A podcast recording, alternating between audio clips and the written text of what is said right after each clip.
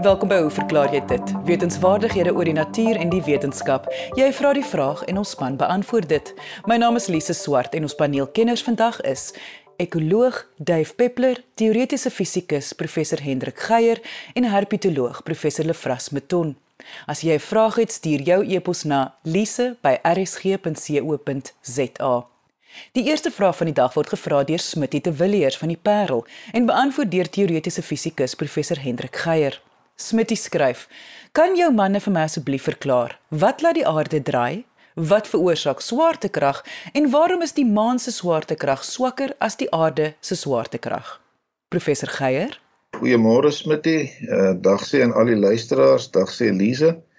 Ehm um, die drie vrae wat Smitty hier uh, vir ons gestuur het, het ons dink ek op een of ander manier al in die verlede bespreek. Uh maar uh, dit is vrae wat 'n mens gerus maar weer 'n slag 'n bietjie kan afstof en kyk wat jy uh op die oomblik daaroor kan sê. So kom ons begin hierse. Ek gaan nou die vrae in 'n ander volgorde beantwoord as wat wat wat Smit hier vir ons gestuur het en ek gaan begin met die vraag oor hoekom die maan se swaartekrag swakker as die van die aarde is. Die eerste persoon wat 'n baie goeie greep op die verskynsel van swaartekrag gekry het, soos baie mense natuurlik weet was was Isaac Newton gewees en sy bekende swaartekragwet wat sê dat elke twee massas in krag op mekaar uitoefen wat nou die naam swaartekrag gekry het. 'n Mens kan 'n paar goed daaroor sê. Die een is dat dit werk langs 'n lyn wat die twee verbind. Nou as dit 'n puntmassas is, dan is dit eenvoudig net die lyn tussen die twee punte as dit 'n meer uitgebreide massa is en dit is nou iets wat 'n geometriese vorm het, dan vat jy eenvoudig die geometriese middelpunt van so 'n voorwerp en as dit nou 'n meer oneweredige ding is, moet jy die sogenaamde swaartepunt bereken. Maar in elk geval 'n mens kan 'n lyn definieer waar langs die krag tussen die twee massas werk.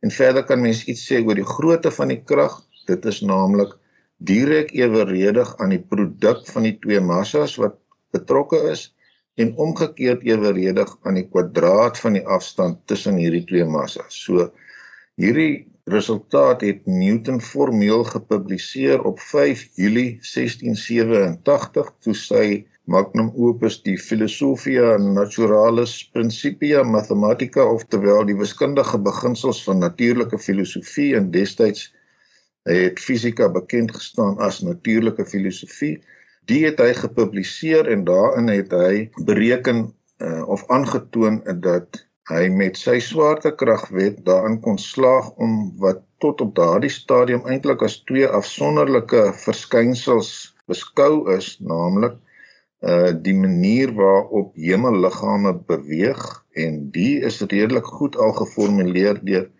uh Johannes Kepler. Hier in die jare 1609 tot 1619 het hy al uh, gepubliseer dat alle planete om die son in 'n in 'n baan beweeg wat 'n ellips is met die son by een van die fokuspunte. Um, hy het ook iets te sê gehad oor die feit dat in gelyke tye planete as dit ware as jy na die lyn kyk wat hulle met die son verbind, daardie lyn swaai in die baan dieselfde oppervlak uit vir uh, gelyke tye op enige plek langs hierdie baan en dan was daar ook 'n verwantskap tussen die tussen die omlooptyd of die periode van die baan en die die sogenaamde hoofas van hierdie ellips. In elk geval Kepler het hierdie goed empiries afgelei deur sy getroue waarnemings uh ook staat gemaak op werk van van Tycho Brahe.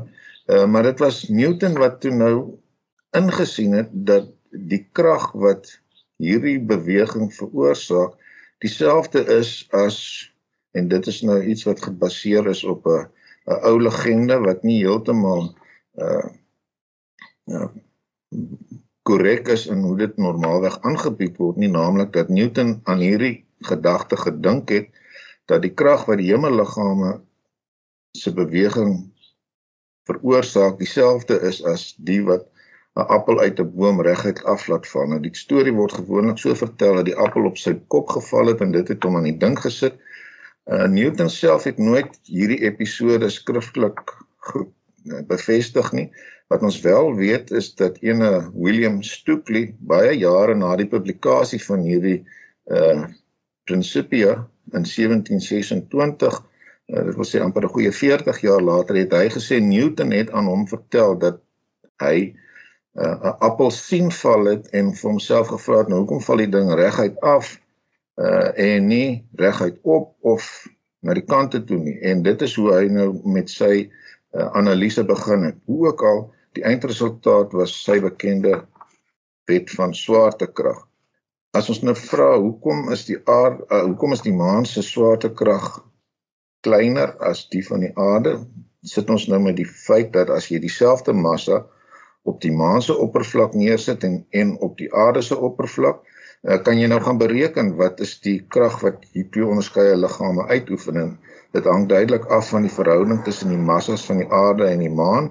En die maan is omtrent 1/81ste die massa van die aarde maar die swaartekrag uh, hang nie net af van die massa nie dit hang af, ook af van die afstand tussen die voorwerp en die massa middelpunt in hierdie geval omdat beide van hulle vir alle praktiese doeleindes perfekte sfere is die die middelpunt van die sfeer. En nou moet ons vra wat is die verhouding tussen die, die radius van die maan en die van die aarde en dis omtrent 0.27. Nou hierdie inligting gaan in Newton se gravitasiewet met die kwadraat van die afstand, so as jy 0.27 kwadreer kry jy 0.074 en in die swaartekragwet is dit nou omgekeerd eweredig hieraan.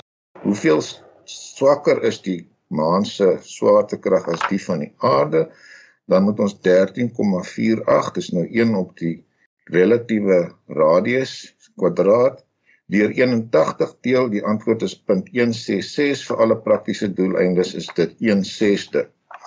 So dit is iets wat nou direk uit Newton se swaartekrag volgens met nie en om dit in perspektief te plaas miskien net een stukkie inligting een van die oudste atletiek rekords op die boeke wêreldrekords is die van die hoogspringer Javier Sotomayor van Cuba wat in 1993 2,45 meter gespring het. Nou as hy daai selfde sprong op die maan sou kon uitoefen, dan sou dit hom 'n uh, allemintige 14,7 meter die lug ingestuur het. So uh, dit gee jou net so 'n bietjie van 'n gevoel van van wat hierdie 1/6ste verskil of verhouding van die gravitasiesterkte op die maanoppervlak uh, tot die op die aardoppervlak meebring.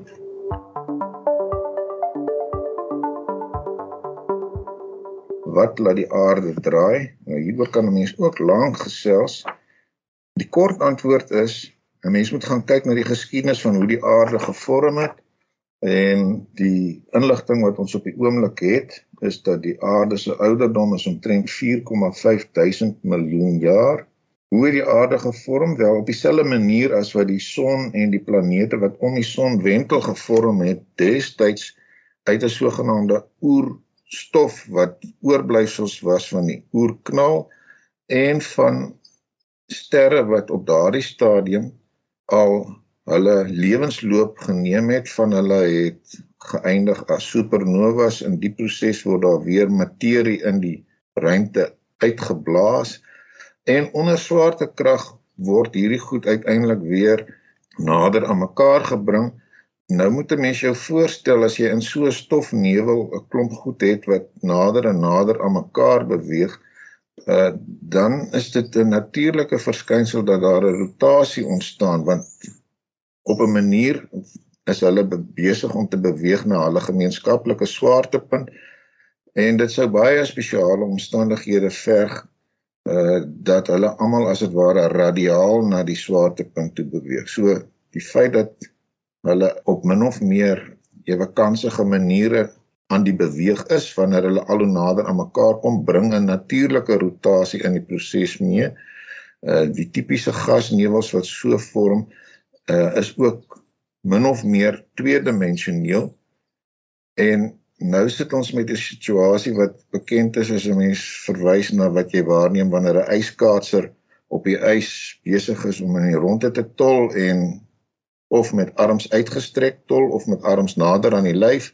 Nader aan die lyf beteken vinniger tol. So wanneer hierdie materie onder die gemeenskaplike gravitasiekrag nader en nader aan mekaar kom, moet hierdie draaimomentum behoue bly. Dit beteken hulle draai al hoe vinniger. So elke planeet sit dan uiteindelik want die resultaat van hierdie nader aan mekaar beweeg omdat die materie verspreiding nie volledig homogeen is nie, is daar plekke waar daar by voorkeur, kom ons noem dit nou maar klontvorming gaan plaasvind. Dit is waar die planete uiteindelik tot stand kom. Aan hulle word oorgedra die draaimomentum van dit wat besig was om bymekaar te kom. So daar is 'n kom ons noem dit nou maar 'n residuele of 'n oorblywende draaimomentum uh, wat in die eerste plek die rede is waarom alle planete om hulle eie asse roteer.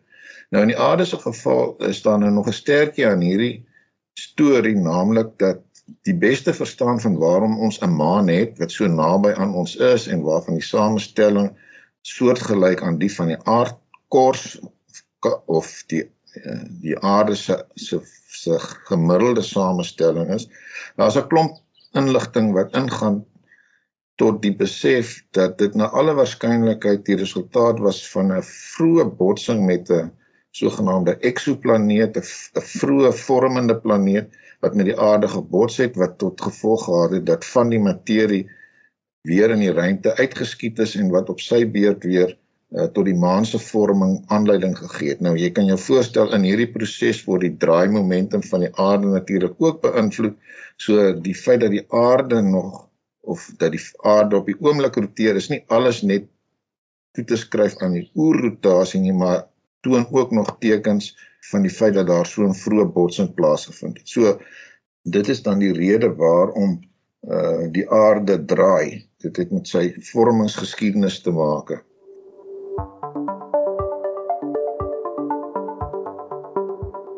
Nou derdens kom ons dan nou by die vraag oor wat veroorsaak swaartekrag? Nou hierdie is 'n baie diep vraag. Aan die een kant kan 'n mens sê Newton het dit verduidelik, maar hy het dit verduidelik in die sin dat 'n mens weet hoe om die swaartekrag te bereken. Maar Newton het al klaar besef dat sy beskrywing die lastigheid het dat dit impliseer dat hierdie krag oombliklik opereer oor 'n afstand. Hy het nie 'n antwoord gehad vir 'n dieper liggende rede waarom dit so sou wees nie en dit het uh, tot en met Einstein se werk hier in die vroeë 20ste eeu geneem voordat daar iets ontstaan het wat 'n mens as 'n dieper liggende verduideliking sou kon aanbied vir waarom swaartekrag uh hoegenaamd bestaan. En in woorde kan 'n mens sê Einstein se verduideliking het te maak gehad daarmee dat hy sê dit wat ons ruimte noem of meer spesifiek ruimte-tyd is nie iets staties nie, maar iets wat ook beïnvloed kan word en wat gebuig en gefrommel kan word as dit ware. En wat hy wat Einstein se beskrywing uiteindelik dan impliseer is dat aan die een kant materie ruimte tyd lokaal vervorm en daardie lokale vervorming sê dan weer vir ander materie in die omgewing hoe om te beweeg en die eindresultaat vir relatief swak gravitasievelde is presies Newton se eh, se gravitasiewet. So die manier waarop dit gewoonlik aanskoulik aangebied word is om te sê dink daaraan dat jy eh, 'n uh, rubbermat het wat styf gespan is tussen vier hoeke en op hierdie rubbermat sit jy 'n klomp albasters, relatief ligte albasters. Hulle sal redelik staties bly waar jy hulle gesit het, maar as jy nou in die middel van hierdie rubbermat 'n swaar goen gaan plaas, sal hy die matjie daar effens laat induik en dit sal dan die ander albasters op hierdie matjie aan die beweeg sit en uiteraard sal hulle nader na die na die goen beweeg omdat die kromming in daardie rigting al groter word. Dit is nie die volledige verduideliking vir hoe Einstein se algemene relativiteitsbeskrywing van gravitasie werk nie, maar dit is 'n goeie beginpunt om so daaraan te dink. Nou, ek het gesê dat vir relatief swak gravitasievelde as 'n mens nou 'n berekening gaan doen, kry jy presies dieselfde resultaat as wat jy sou kry deur net eenvoudig Newton se eh, se gravitasiewet te gebruik. Maar daar is omstandighede waar Newton se gravitasiewet uh nie volledig kan beskryf wat waargeneem word nie. En een van die bekendste voorbeelde hiervan is die feit dat gravitasie lig kan buig. Nou in Newton se beskrywing van dinge is dit nie iets wat gereedelik beskryf kan word nie.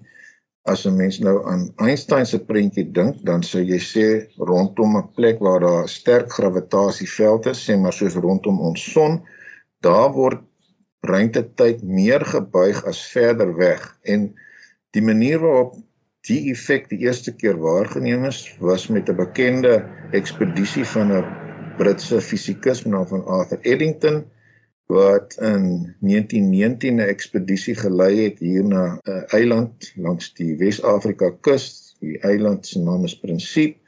En wat hulle gedoen het was om om om op 'n stadium daarheen te gaan toe daar 'n sonsverduistering in die vooruitsig was. Die keuse van hierdie posisie was so dat hulle het geweet as hulle tydens die sonsverduistering in die lug sou kyk, sou dit in die rigting wees van 'n bekende sterregroep, die sogenaamde Hyades, en daardie sterre sou sigbaar wees relatief naby aan die swart sonskyf want hy lyk nou swart omdat die maan hom volledig bedek.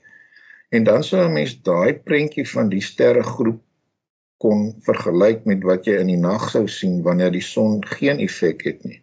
So wat 'n mens nou met mekaar moet vergelyk is hoe hierdie sterregroep in die nag lyk en hoe dit lyk wanneer die lig klaarblyklik baie naby aan die son verby beweeg het uh, om by ons uit te kom. En Einstein se algemene relativiteitsteorie verduidelik nie net nie, maar beskryf in numeriese akkuraatheid of in numeriese terme presies hoeveel hoeveel hierdie buiging is en dus kon uh, mense soos Eddington uh, hulle fotografiese plate van die twee situasies met mekaar vergelyk en dit is hoekom Einstein op daardie stadium skielik 'n helde figuur geword het omdat die voorspelling en die dit wat gemeet is presies met mekaar ooreengestem het. So Smit die Einstein se algemene relativiteitsteorie gee vir ons waarskynlik of nie waarskynlik nie gee vir ons 'n meer fundamentele greep op wat swaartekrag veroorsaak Maar soos met baie dinge in die in die natuurwetenskappe in die algemeen en die fisika in die besonder kan 'n mens steeds vra is daar nog 'n dieper liggende rede waarom hierdie verskynsel van gravitasie hoegenaamd uh, na vore kom. En daar is die hoop dat wanneer ons uiteindelik daarin slaag om kwantummeganika en algemene relativiteit in dieselfde wiskundige raamwerk te giet, dat 'n mens meer duidelikheid oor hierdie vraag sou kry, maar op die oomblik kan ons nie beter doen as om te sê uh die beste verstaan van gravitasie is die van Einstein se algemene relativiteitsteorie wat sê materie buig ruimte-tyd en met ander materie wat deur hierdie buiging beïnvloed word gedra hulle vir swak gravitasievelde op presies die manier wat Newton se gravitasiewet voorspel en onder ander omstandighede gee algemene relativiteitsteorie vir jou 'n 'n manier om die berekeninge te doen uh soos ek probeer verduidelik het in die geval van lig wat langs die son verby beweeg en op hierdie manier dan gebuig word. So dis die storie uh, Lisa Smitty en luisteraars ek uh, ek hoop dit het julle 'n bietjie verder geïnteresseerd gekry in die hele bestaan van swaartekrag. En dit was teoretiese fisikus professor Hendrik Geier. Indien jy 'n vraag het, stuur jou e-pos na lise@rsg.co.za. Jy mag onder 'n skuilnaam skryf of vra om anoniem te bly. Wenk van die week. Lise, een van die grootste uitgawes aan energie in enige huis is natuurlik die warmwaterstelsel.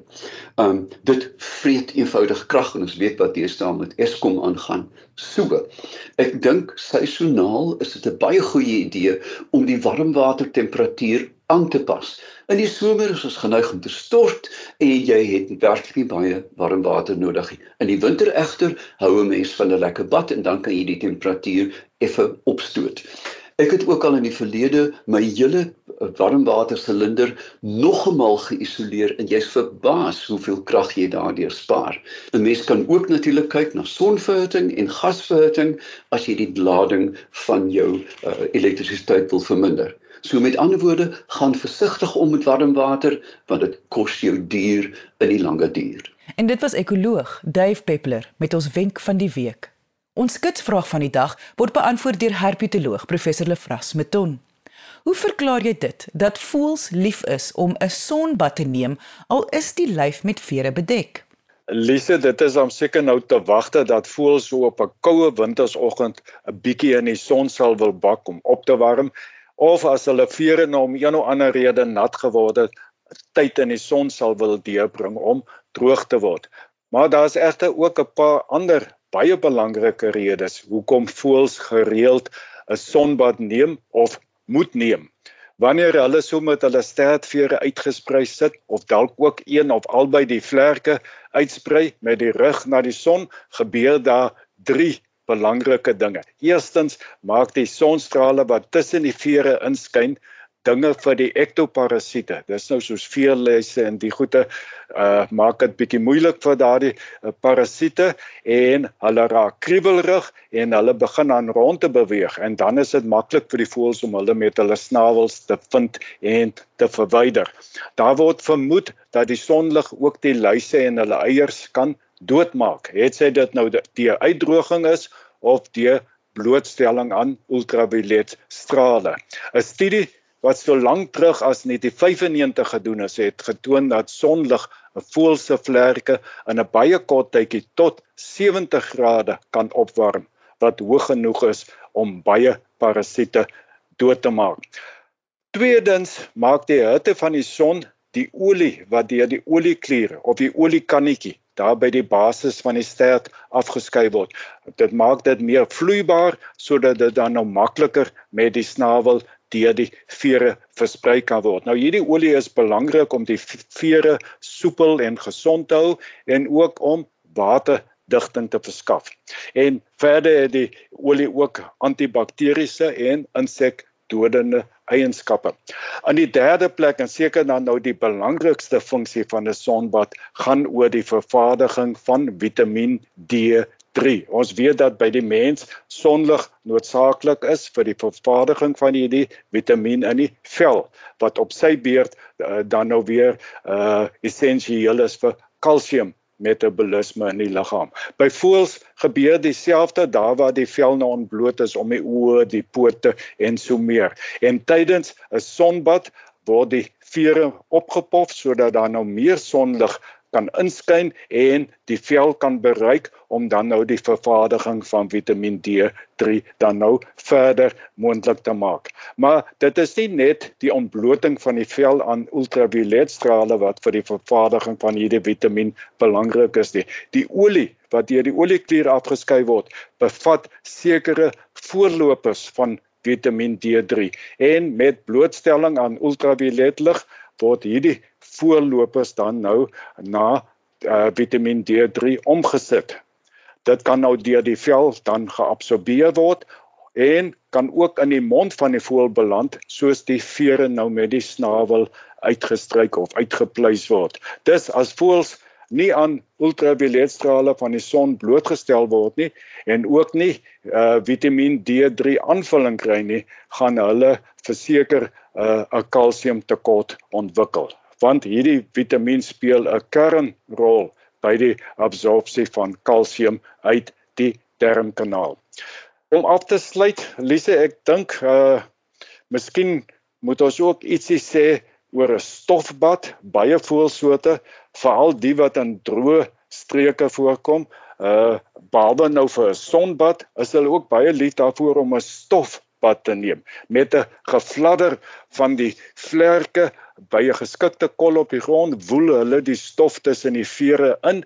Die stof heg aan die oortollige olie op die vere en wanneer die voëls dan nou later hulle vere uitskit, word daarvan hierdie oortollige olie ontslaag geraak. In omgewings waar daar nou baie water is, sal die voëls uh, in water bad om van die uh, oortollige olie ontslaag te raak. En dit was herpetoloog professor Lefras Meton. Indien jy 'n vraag het, stuur jou e-pos na lise@rsg.co.za. Ek sê baie dankie aan ons kenners en vraagstellers vandag. Onthou om altyd nuuskierig te bly en vra te vra. Tot volgende week net hier op RSG saam met my Lise Swart. Totsiens.